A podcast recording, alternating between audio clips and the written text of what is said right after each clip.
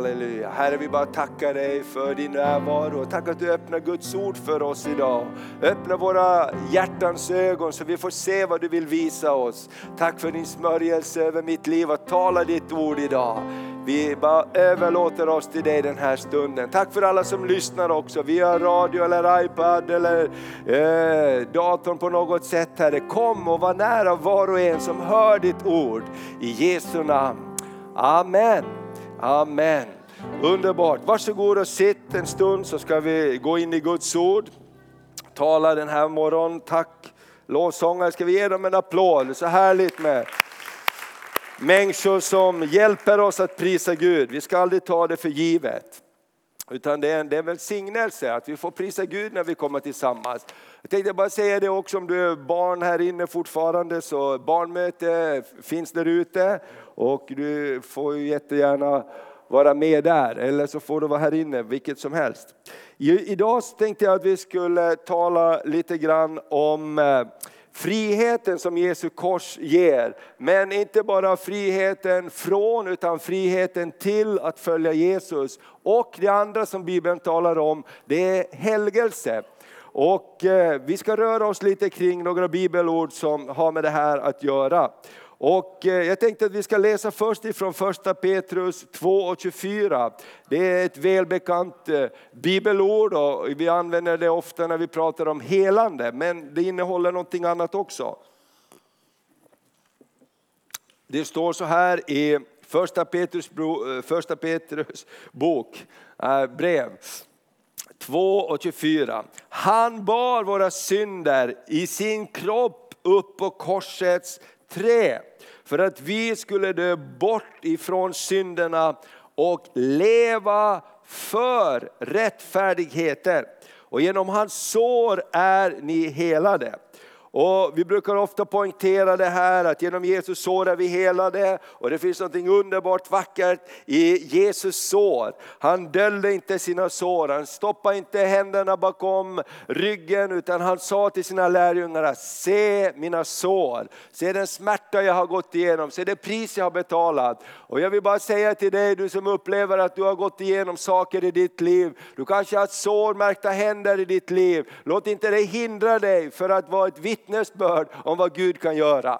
Amen. Jesus döljde inte sina sår och du och jag behöver inte göra det heller utan det finns läkedom och någonting också som någon annan kan behöva.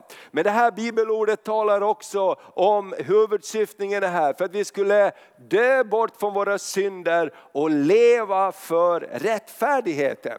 Och, och det, det, är ett annat fokus. Vad lever du för? Vad är ditt mål? Vad är mitt mål? Vad lever vi för? Lever vi för någonting annat eller är det huvudsaken? Jag vill leva för Guds rättfärdighet. Därför i Guds rättfärdighet, där finns Guds välsignelse. Och det gör att vi måste bestämma oss varje dag egentligen för att jag vill följa Jesus. Jag vill gå på rättfärdighetens väg. Det är inte säkert att du lyckas alltid, eller hur? Hur många vet någon kristen som inte har lyckats alltid?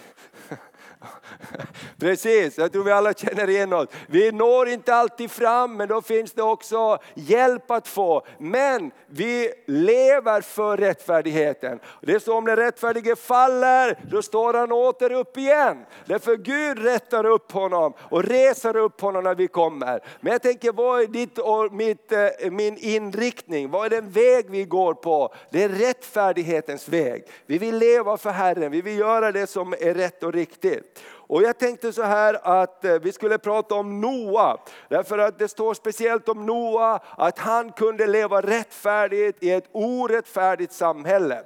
För att det är inte alltid så lätt att leva rättfärdigt när allting runt omkring oss är orättfärdigt. Eller hur? När vi till och med i kyrkan kan få erbjudande om att ni kan få lite billigare om ni låter bli att betala skatt, någon räkning. Va? Och då tänker man liksom, hur tänker man? Egentligen. Och, och, och då, då, då har det gått så långt ner så att man har liksom inga spärrar längre. Och därför tänker jag så här, i en orättfärdig värld så kunde Noa leva ett rättfärdigt liv. Och därför tänkte jag att vi skulle prata om Noa idag. Och vi ska ta och börja med Jesu ord om Noa ifrån Matteus det 24 kapitlet. För där står det om Noa, Jesus hänvisar till honom. Och också, han hänvisar till Noa när det gäller att vi ska vara redo för att Människosonen ska komma tillbaks. Och I Matteus evangeliet, det 24 kapitlet, så läser vi från vers 37 till vers 39. Och här talar Jesus om hur det ska vara innan han kommer tillbaks. Så som det var under Noas dagar, så ska det vara när Människosonen kommer. Under dagarna före floden åt och drack man, gifte sig och blev bortgifta ända till den dag då Noa gick in i arken. Och de visste ingenting förrän floden kom och ryckte bort dem alla. Så ska det bli när Människosonen kommer. Och Jesus talar om att han ska komma i en tid också när ingen väntar det, när alla säger det är lugnt, det är lugnt, det är ingen fara. Det är ett av tecknen Jesus talar om, då är dagen nära då jag ska komma tillbaks. Men det finns något vackert med den här berättelsen om Noa, därför det står om Noa att han och hans familj blev rädda. För mig är det här ett löfte om att vi följer Jesus, då ska jag, mitt hus, min familj, vi ska bli räddade. Därför Noa, han levde rättfärdigt inför Gud och genom Guds nåd. Det står att Gud såg till nå, i nåd till Noa, men också hans familj blev räddad. Så om du är här och du tänker, hur ska det bli med mina barn, mina barnbarn? Bara stå på det här löftet. Jag vill leva för rättfärdigheten, jag vill leva med dig Gud. Och mina barn, mina barnbarn, de ska alla bli Herrens lärjungar. De ska komma med på frälsningsarken. Och vi ska gå till och läsa den här berättelsen i första Moseboken om arken och hur Noa fick det här budskapet. Och, och, Det hittar vi alldeles i början av Bibeln, i första Moseboken, det, det sjätte kapitlet. Och eh, man skulle ju kunna läsa hela den här storyn, det, är väldigt spännande. Berättelse om hur, hur Gud skapar människan, hur synden kom in, de vände sig bort och, och, och så plötsligt så börjar ondskan på jorden växa till. Tänk att syndens gift skapar någonting så fruktansvärt som ondska. Och ibland så, så undrar vi varför är världen så ond när Gud är en god Gud. Men det är just det här att syndens gift finns i världen. Och vi har alla ett val. Vi är inte skapade som robotar som bara gör vad Gud säger, utan vi har alla ett val. Alla människor har ett val att väl, att välja det goda eller det onda. Eller hur? Precis som vi har ett val att säga förlåt eller gå därifrån om vi inte kan hålla munnen. Eller hur? Vi har alla ett val någonstans och det behöver vi tänka på. Och det är det Gud har gjort också så fantastiskt så att han vill att vi ska följa honom av fri vilja.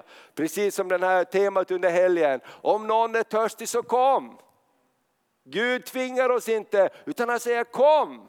Kom till mig alla ni som är tyngda av bördor. Kom till mig så ska ni få ro. Och det finns något vackert i det. Och därför är alltid tron att följa Jesus någonting frivilligt. Att gå rättfärdighetens väg, att gå helgelsens väg. Det är ingenting du blir tvingad till, men du blir lockad in i det av han som är helig.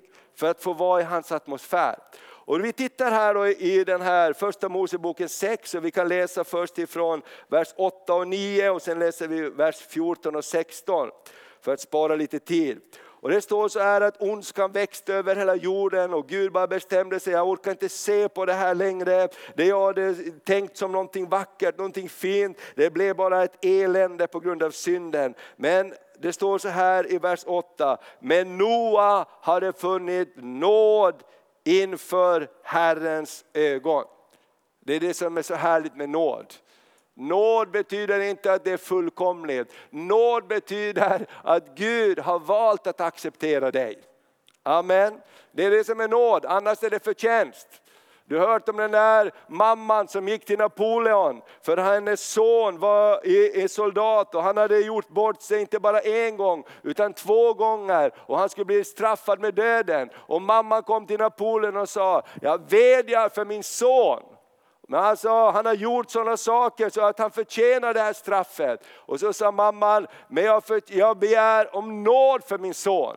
Och då upprepar Napoleon, men han har gjort det här och det här och därför förtjänar han det. Och då sa mamman, jag begär inte vad han har förtjänat.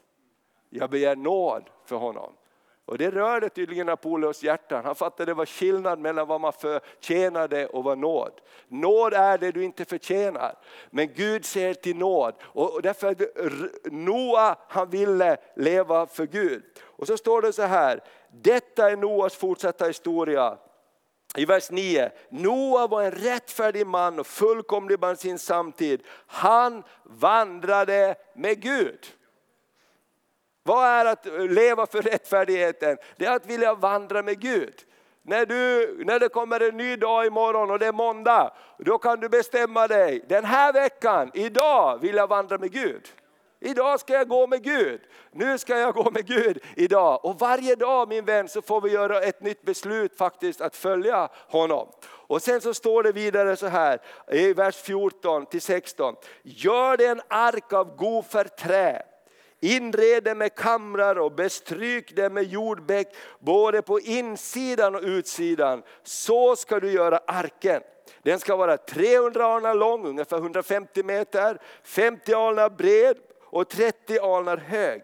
Högst upp ska du göra en öppning för ljuset, en haln hög runt hela arken. En dörr till arken ska du sätta på sidan och du ska inreda den så att den får en undervåning, en mellanvåning och en övervåning. Och jag tänker så här, hur kan det vara möjligt att vandra rättfärdigt och i Guds fruktan i en ond värld? Och därför tänker jag så här, vad gjorde Noa? Jo, Noa han fäste sina ögon på rätt saker. Därför det står att människornas ondska växte runt omkring Noa. De, de, de växte i ondska. Och jag tror så här att fäster vi våra saker på det som är ont så växer vår ondska. Om du till exempel gör någonting som är fel, då är det lätt att titta på grannen som har gjort ännu mera fel. Och då är ju ditt fel inte så stort. Eller hur? Och då plötsligt så känner vi oss jättebra i förhållande till den som har gjort ännu mera fel. Och det är vad vi brukar prata ibland om trafiken. Om du kör 20 kilometer för fort på motorvägen och så kommer någon och smackar förbi dig bara zong och du tänker värst vad han kör fort. Och så tänker du att det här är inget bra och plötsligt så kommer det blå ljus bakom dig och då börjar du titta på din mätare då har det kallas lagen överbevisar oss som synd. Eller hur? Och därför tänker jag så här också att vi behöver inte, vi måste ha, ha en måttstock som är Guds ord. Vi kan inte ha omvärlden som måttstock, vad som är rättfärdigt och inte. Det var det som var problemet bland annat i andra världskriget. Varför kunde man utrota sex miljoner judar? Jo därför att lagen sa att det var okej. Okay. De som gjorde det sa, vi gör ingenting som är emot lagen. De har bestämt i vårt land att det är så här vi ska göra. Och poliserna som tog fast dem, militärerna sa, vi gör bara som lagen säger. Men var det en bra lag? Var det en rättfärdig lag? Det var det inte. Eller hur? Det finns en högre lag, det finns rättfärdighetens lag, det finns godhetens lag, det finns kärlekens lag. Och därför måste vi ha en högre lag som vi följer. Och det är det här alltid som har varit utmaningen för kyrkan och samhället. Därför alla regenter vet att det här Guds folket, de är jättebra. Men gör jag en lag som är emot dem så kommer de att välja en annan lag. Eller hur? Det var som eh, eh, Englands drottning långt tillbaka sa, jag fruktar mer John Knox böner än Frankrikes armé. För när Guds folk börjar be så spelar det ingen roll vad jag gör för lag, därför det finns något starkare. Och jag tänker det här behöver vi fylla oss med. Vad säger Guds ord? Vad säger ordet om våra liv? För där finns välsignelsen. Och det var precis den här samtiden som Noa levde i. Han levde i en tid när, när det var ondsk och, och eh, ondska. Och i Jesaja 60 så står det så här. Rise and shine, stå upp och lys. Amen. Mörker ska övertäcka hela jorden, men över dig ska Herrens härlighet gå upp. Amen. Herrens ljus ska gå över dig. När det är mörkt på jorden, när det är ondska på jorden, så säger Gud till, till sitt folk i Jesaja 60, men över dig ska Herrens ljus gå upp. Halleluja, jag tror att när vi vänder oss till korset, när vi säger jag behöver korset, jag behöver Jesus, jag behöver det här, jag vill gå rättfärdighetens väg, då kommer Gud att låta hans ljus lysa på oss och hjälpa oss, även när det är mörkt runt omkring oss. Och jag tänker så här också, att vi, vi behöver göra varje dag till en viktig dag. Amen. Idag är en viktig dag för imorgon. Och alla vi, vi har blivit lurade. Eller hur? Har du blivit lurad av fienden någon gång? Alla, vi alla blivit lurade. Ofta när vi blir lurade så låter det så här, idag är det inte så viktigt. Om du gör det här nu så är det inte så viktigt. Men varje dag är viktig faktiskt, på vägen. Och det är det jag tror att Gud vill uppmuntra oss. Varje dag är en viktig dag när vi följer honom. Tänk om vi skulle ha det så i våra äktenskap, då skulle det bli kris. Om jag skulle tänka, idag är det inte så viktigt att jag är gift med Maria, hon är ju ändå i Albanien. Eller hur? Då skulle jag inte stå här nästa söndag kan jag säga. Eller hur? Alltså varje dag är en viktig dag, därför har jag gjort ett val, jag har gjort en överlåtelse. Så är det för dig och mig också, varje dag. Halleluja, vi har tre mikrofoner här idag, vi bara byter. Amen. Går det bra? Halleluja. Kommer det något ljud? Oh, halleluja, vad bra. Det här är nåd. Och så har vi nåd utöver nåd, en tredje mikrofon ligger här på golvet. Eh, så bra, så därför tänker jag så här, varje dag är viktig för resten av mitt liv. Och därför kan vi hjälpa varandra. Bibeln säger uppmuntra varandra så länge det heter idag. Uppmuntra varandra att gå på trons väg. Uppmuntra varandra. Låt oss be för varandra. Ibland känns det tufft, ibland känns det tungt. Men vi kan lyfta varandra, vi kan uppmuntra varandra. Bara det att någon säger, jag ska be för dig. Ja, det är det vackraste ord som man kan få höra. Jag ska be för dig. Därför att man står med någon och man känner wow, jag står inte ensam. Och Noa han kunde leva rättfärdigt i en orättfärdig väg. Och arken det byggdes till frälsning för världen. Och det var också en förebild på Jesus på korset. Genom korsets träd har vi blivit frälsta. Genom trädet som byggdes, arken, så blev eh, Noa och hans familj världen till frälsning. För det är faktiskt genom Noa som vi alla är, är, finns här idag. Eller hur? Alla andra blev utplånade. Så Noa, vi är alla släkt med varandra, tillbaks till Noa. Eller hur? Det var bara ett, en familj på båten och utifrån den familjen så, så gick nåden vidare. Och jag tänker så här eh, också att när vi går tillbaka till det här ordet så ser vi här vad det står.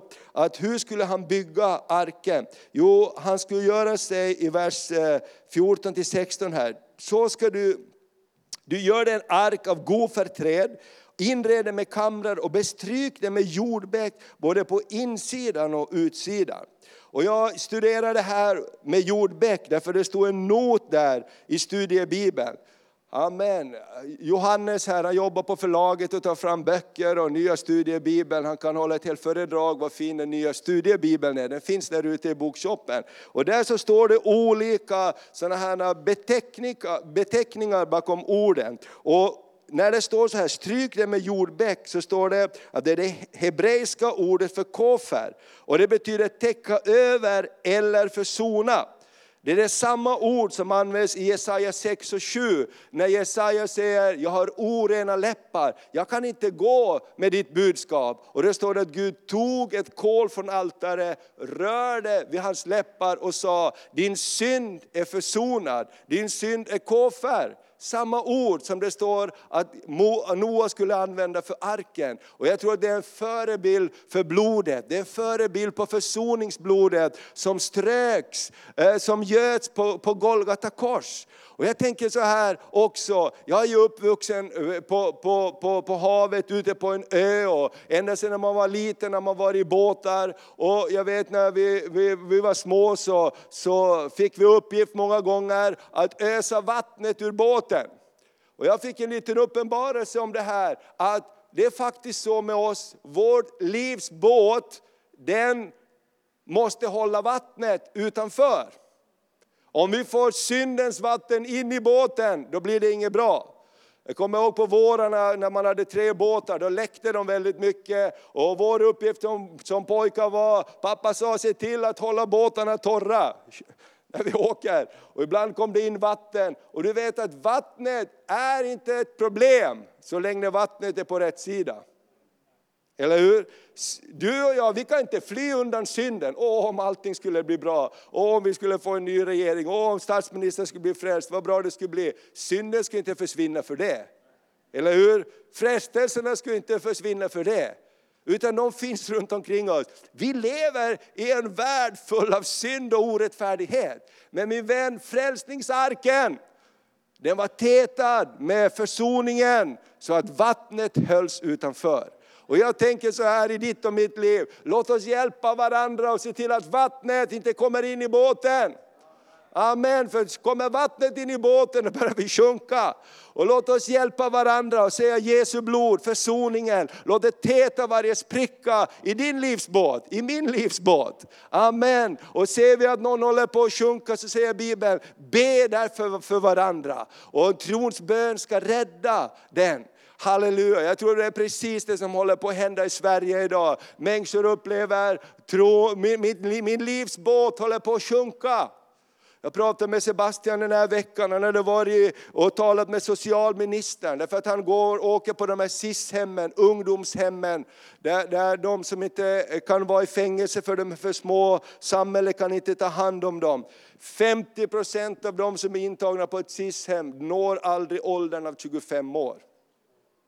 50 procent av alla ungdomar som sitter på ett sånt hem, de blir aldrig 25 år. De dör, tar livet av sig, livet är så hårt. Och, och, det är bara fåtal som lyckas överhuvudtaget. Och, och och jag pratade med Sebastian och sa, vad sa du? Jag läste eh, Matteus 25, allt vad ni har gjort mot en av dessa mina minsta, det har ni också gjort mot mig. Därför det finns ingen annan lösning för att få vattnet ut ur båten. Det finns bara ett blod, ett försoningsblod som kan täcka sprickorna. Och det för blodet, det måste vi tala om. Det blodet så är rättfärdighetens blod från Jesus. Amen, bara han kan göra oss rättfärdiga. Och jag tänker så här, vad står det mer om den här arken? Jo det står att den skulle vara tre våningar. Och jag tror också det är en bild på frälsningen. Gud sände Jesus för att frälsa oss till ande, själ och kropp alla tre dimensioner i våra liv skulle bli berörda av frälsningsarken. Och när vi kommer in till Jesus, när vi följer honom, så vill han hjälpa dig med din själ. Han vill hjälpa dig med din ande, han vill hjälpa dig med din kropp. Amen. Gud sa till Noa, gör bara en dörr på arken. Vad sa Jesus? Jag är dörren. Ingen kommer till Fadern utan genom mig. Du vet, det är inte många dörrar på arken, det var en dörr på arken. Och jag tänker så här, låt oss vara frimodiga och säga, det finns bara en väg till Jesus. Och det finns bara en väg till Fadern och det är genom Jesus Kristus. Halleluja. Så sa Gud till Noa, Noa gör ingen massa fönster på sidorna, gör bara fönster högst upp. Så du inte kan se ut. För ser du på omständigheterna för mycket, ser du på alla människor som är där ute, ser du på all förödelse, så kommer du att tappa hoppet. Du måste se upp. Amen, gör fönstret högst upp. Och jag tänker så här, Gud vill ge oss styrka när vi ser upp till honom. Halleluja, ser vi på omständigheterna, då kan vi sjunka. Bibeln har en annan berättelse om mannen Lazarus och den rike mannen. Och det står att den rike mannen han hamnade i helvete. Och det står att, att, att han ropar, kom över hit och ge mig någonting att dricka. Till den, till den fattige mannen Lazarus. Men det står att det var ett stort svalg som var satt emellan dem. Och, och, jag tänker så här, ser vi för mycket på omständigheterna så kan vi tappa hoppet, vi kan tappa tron, vi kan börja agera eh, irrationellt eller bara logiskt ibland. Ibland kan det vara helt ologiskt att följa Gud. Amen. Ibland när Jesus säger följ mig, så är det inte vad världen säger att du ska göra. Amen. Men Gud finns där. Och jag tänker så jag blev så uppmuntrad av det. Sätt fönstren högst upp. Halleluja. Låt oss titta uppåt mer än åt sidan.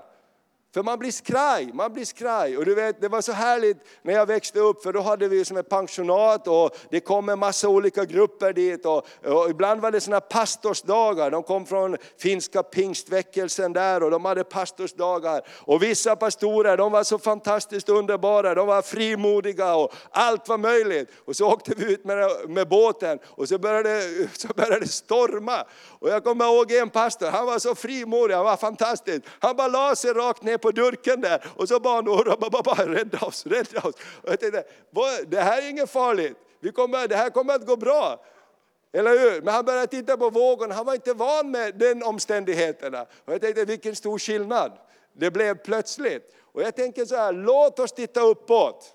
Amen, låt oss uppmuntra varandra. Titta uppåt! Bibeln säger, varifrån kommer frälsningen? Frälsningen kommer ovanifrån.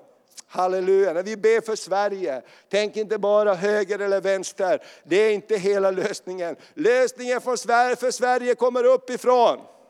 Halleluja, lösningen för människor i nöd kommer uppifrån. Halleluja! Och det var då han såg, nu slutar det regna, nu är det dags att gå ut och släppa ut någon liten duva här och vad han gjorde. Och så landade arken till slut. Okej, nu ska vi börja landa här också. Hur ska vi göra det då? Amen. Löftet, vi ska läsa ett till bibelord här. Vi ska läsa från Hebreerbrevet. Eh, om helgelsen lite grann. Eh, Hebreerbrevet 12 ska vi läsa några verser ifrån. Hebreerbrevet 12. Regnet, vattnet i Noas fall, det var en bild på synden. Och det måste vi se till att det ska hålla oss utanför våra liv. Eh, Hebreerbrevet 12 och från vers 1 och sen läser vi vers 12 och till 14. Och det står så här, det är så fantastiskt därför att Hebreerbrevet 11, det är trons kapitel, vad tronshjältarna har gjort. Ingenting var omöjligt för dem. Och så kommer vi till kapitel 12 och då säger eh, författaren till de kristna, eh, när vi nu har en så stor sky av vittnen omkring oss, låt oss då lägga bort allt som tynger och särskilt synden som snärjer oss så hårt så vi kan löpa uthålligt i det lopp vi har framför oss. Synden snärjer oss. Amen. Och ibland är det inte så att det, vi brukar ibland ta bilder av stora kedjor och kättingar. Men synden är väldigt lurig. Har du märkt det? Det är som en fin liten tråd som kan snärja oss. Och plötsligt så är det svårt att lyfta händerna. Plötsligt är det svårt att säga tack Jesus. Och det blir bara tyst på något sätt. Och det är synden som kan snärja oss så förrädiskt. Och därför så säger Bibeln att vi ska, vi ska lägga bort allt som tynger oss. Och speciellt synden som snärjer oss så hårt och löpa, löpa uthålligt i det lopp som vi har framför oss. Och jag tror precis det är det här som händer över Sverige idag. Det kommer en längtan efter frihet. Jag vill gå med Gud, jag vill ha Guds kraft över mitt liv. Jag vill inte ha de här bojorna som binder mig. Fy vad tråkigt det är att vara kristen om man inte har friheten i Kristus. Eller hur? Det är bättre att samla frimärken eller någonting. Eller hur? Men jag menar, om inte friheten i Kristus är en verklighet, om inte det som Jesus har gjort på korset, om det är bara liksom en historia långt bort, hur kul är det då? Eller hur? Jag menar, det finns ju roligare saker att göra. Eller hur? Men det är religionen vill binda oss, Jesus vill sätta oss fri. Halleluja, och det finns något underbart. Och det betyder inte att all tradition är fel. I väldigt mycket tradition kan hjälpa oss att hålla oss på vägen.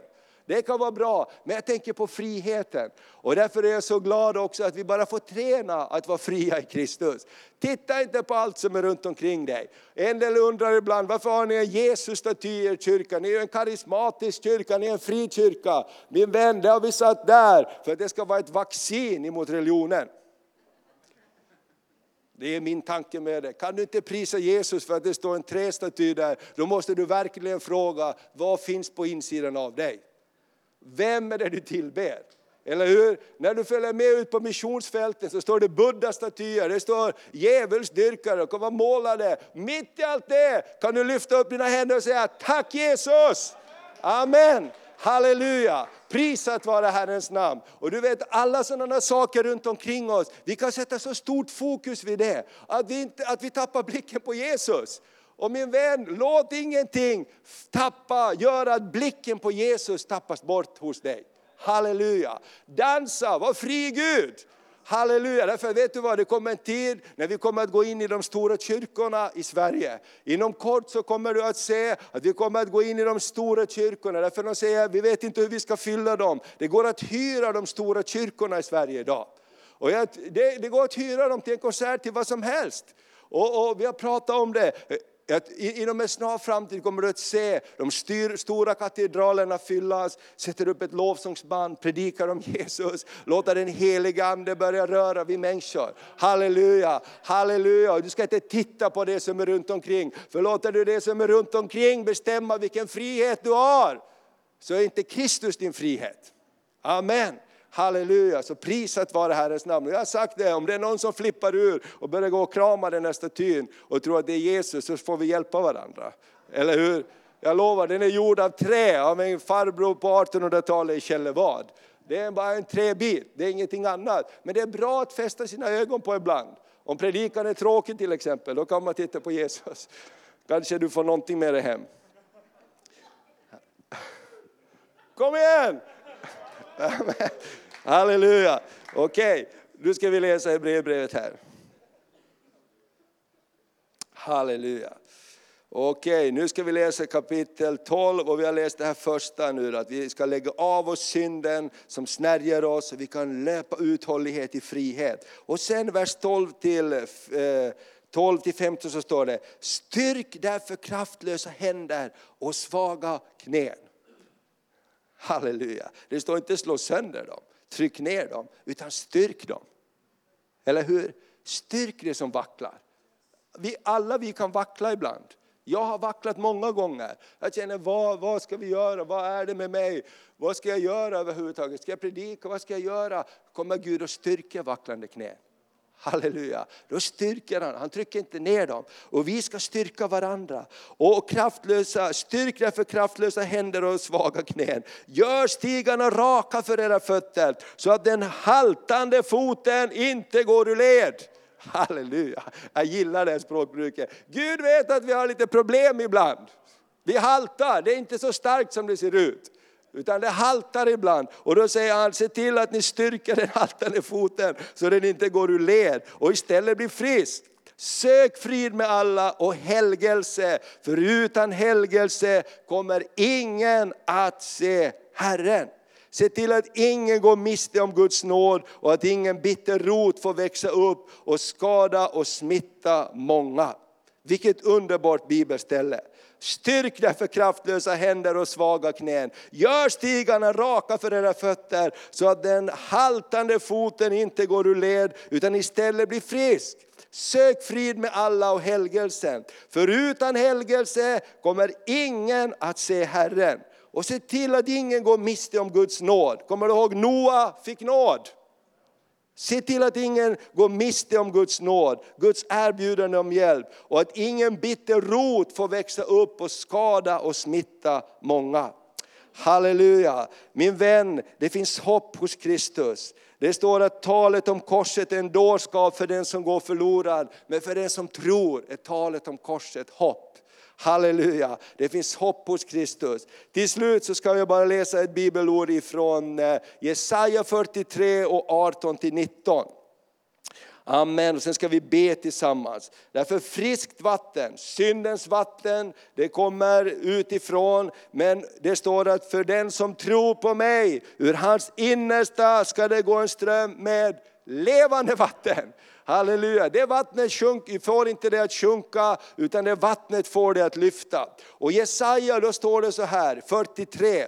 Därför, därför att eh, ditt liv kan se mörkt ut, men då står det så här, Jesaja 43, vers 18-19. Tänk inte på det som har hänt. Bry er inte om det som var förr. Se, jag gör någonting nytt. Se, jag gör någonting nytt. Redan nu visar det sig, märker ni det inte? Jag ska göra en väg i vildmarken och strömmar i öknen. Halleluja, det är vår Gud som kan göra det. Känns det som en vildmark? Ser du på din omgivning, ser du på din familj, ser du på Sverige och har tappat hoppet? Gör inte det! Låt oss lyfta vår blick och se vad vår Gud kan göra. Halleluja! Amen. Du vet, det var en, en kvinna som kom med, till mig och sa en dag, hon var, så, hon var så less på sin församling där hon var med. Hon sa, jag tror att Gud, inte ens Gud kan hjälpa oss, sa hon. Inte ens Gud kan hjälpa oss. Då är det inte, då, vad ska vi göra då? Då är det ingen det vi ber ens en gång. Men min vän, Gud kan. Halleluja, han kan göra strömmar i vildmarken. Han kan låta källor komma fram i öknen. när det ser så torrt ut. Det är därför det finns hopp för Sverige. Halleluja, det är därför vi ska ha King of Kings konferens och bara tror jag Guds ande ska utgjuta sig över tjänare och tjänarinnor. Halleluja, jag pratade med han Håkon Fagervik igår. Han säger jag ser så fram emot att komma till den här konferensen. Jag ser så fram emot att komma. Halleluja, de har mycket större förväntningar än vi känns det som. Eller hur? Så låt oss bara ta nu också när vi har nästa vecka, när vi har böne, bönedag på, från fredag till lördag. Ska vi be mycket för King of Kings också. Och låt det sjunka in i våra hjärtan. Så att anden, den helige ande bara får göra oss redo för en ny morgondag. Halleluja, så låt oss sträva efter helgelse. Utan helgelse får ingen se Gud. Om Noa som levde i en sån mörk och syndig värld kunde leva för rättfärdigheten för han vandrade med Gud, då tror jag att det går för oss idag också. Amen. Det är inte lätt, men det går. Och jag är, upp, jag är så glad för det här brevet. Stärk svack, vacklande knän. Amen. Gör vägarna raka så den haltande foten inte går ur led. Prisat vara Herrens namn. Ska vi ställa oss upp och så kan vi bara be tillsammans och prisa Herren till slut här. Halleluja, tack för att du har lyssnat så bra och så länge. Halleluja, amen. Nu ska vi be tillsammans. Om du vill ha förbön här idag så ska vi be. Halleluja, lovsångarna kan komma upp också och uh, ungdomarna ni kan komma fram här och ställa er så, så, så de som vill ha förbön, har ni fått något speciellt i förbönsgruppen som vi ska be för? Tänk någonting. Vi ska knäcka Goliat i våra liv. Amen. Um, jo, men jag fick det här i morse. Jag läste det här från en bönebok och tog tag i mig. Och just det här att um, när David rusade ut på stridsfältet, alltså han rusade verkligen ut på stridsfältet. Han stod inte och tittade och tänkte, ska jag gå nu snart eller ja, när det är läge? Utan han gick ut i tro. Och när han mötte Goliat, då var det för att knäcka fälla han alltså i Guds kraft. Han gjorde det i tro. Och det är den tron vi måste använda för att knäcka våra Goliat som står i vägen för att vi ska få vara välsignade av Gud. Och, ja, så. Jättebra. på det. Eh, jag såg en, en jag ställer mig här så ni ser mig. Jag såg en, en, en vattenkälla och jag ser hur en person ligger ner vid vattenkällan. Eh, och hur eh, den har ingen möjlighet att hämta upp vattnet. Och jag upplever hur, hur, med tanke på psykisk ohälsa, hur vi som kan hämta ut upp lite vatten måste hämta upp vatten och ge till de här människorna. Mm. Det var det jag upplevde. Amen. Underbart. Så, så vad du än har för, ni förebedjare kan komma också här, så tar vi en stund, vi prisar Gud. Säg först så säger jag så. Jag säger bara att alla ska komma och få förbön. Ja, precis, det har med det att göra. Jättekort, verkligen jättekort vittnesbörd. I början på hösten när vi startade igång ungdomsarbetet så var vi i Nordins stuga och fick någon sån här riktig, vi hade riktigt nice med bön och lovsång och såna grejer. Och jag hörde änglar sjunga med oss. Och den upplevelsen var så häftig så att igår kväll så sa jag till Gud bara så det här, jag måste få uppleva det igen. Alltså jag måste få uppleva det igen. Det var verkligen, för det var så vackert. Så jag tänkte på, varför sa jag inte det när vi var här innan? Men jag kom på det nu. Eh, himlen var med oss igår kväll och sjöng. Och det var så härligt att få uppleva det. Och jag tänker det också nu för förbön, alltså ha förväntan, be Gud. Jag menar som, precis som det här med, visst är det Jakob som sa det här att jag släpper inte förrän jag liksom får tag på dig. Tänk så. Vi fick tilltal för våra ungdomar också, att vill du ha någonting så ha förväntan på Gud, för han vill ju att vi ska be om det. Jag ville höra änglar, jag fick höra änglar. Så att, eh, yes. Underbart. Amen. Får jag passa på att dela någonting också här då? Eh, för det på något vis det bara kom till mig det sista bibelordet som du delade Thomas. För eh, vid ett av tillfällena när vi bad igår kväll så var det någon som såg en bild som jag då gällde en person men det på något vis det kanske kan gälla något större också. Det var en bild över eh, som en öken och så fanns det som en remma, liksom en damm där, liksom, där vattnet skulle komma upp. Liksom. Och så när jag, så, och det, när jag läste salt, eh, dagens saltarsalm så står det så här. Han öppnade klippan och vattnet flödade. Det rann i öknen som en ström. Så någon, någonting bara, det bara flötar samman här vet du. Det flödar. Underbart. Så låt oss vara hungriga också. Jag tänkte på det när vi var ett helt gäng pastorer där, så kom det ett gäng ungdomar och skulle be för oss. Tyckte det var så underbart. Man bara, Gud, jag vill ha det du har. Halleluja, bli välsignad. Så låt oss ha en stund av välsignelse och förbön. Vad du än behöver, du vet vad du behöver. Men det är någonting också att stärk vacklande knä. Vi sätter oss i rörelse. Eller hur? Vi sätter oss i rörelse för någonting. Så låt oss be tillsammans och prisa Gud. Och så kommer du bara fram här och får förbön och ord från Gud så blir det jättehärligt. Amen. Bra, då prisar vi Herren.